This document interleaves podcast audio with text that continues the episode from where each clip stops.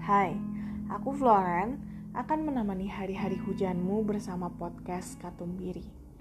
Jangan lupa untuk support podcast ini dengan terus mendengar dan membagikannya pada mereka yang butuh kehadiran Katumbiri. Nantikan konten-konten menarik yang akan aku berikan di podcast ini. Terakhir, aku hanya ingin kamu untuk selalu ingat bahwa akan selalu ada Katumbiri selepas hujan. Terlihat atau tidak terlihat, dia akan selalu ada di sana.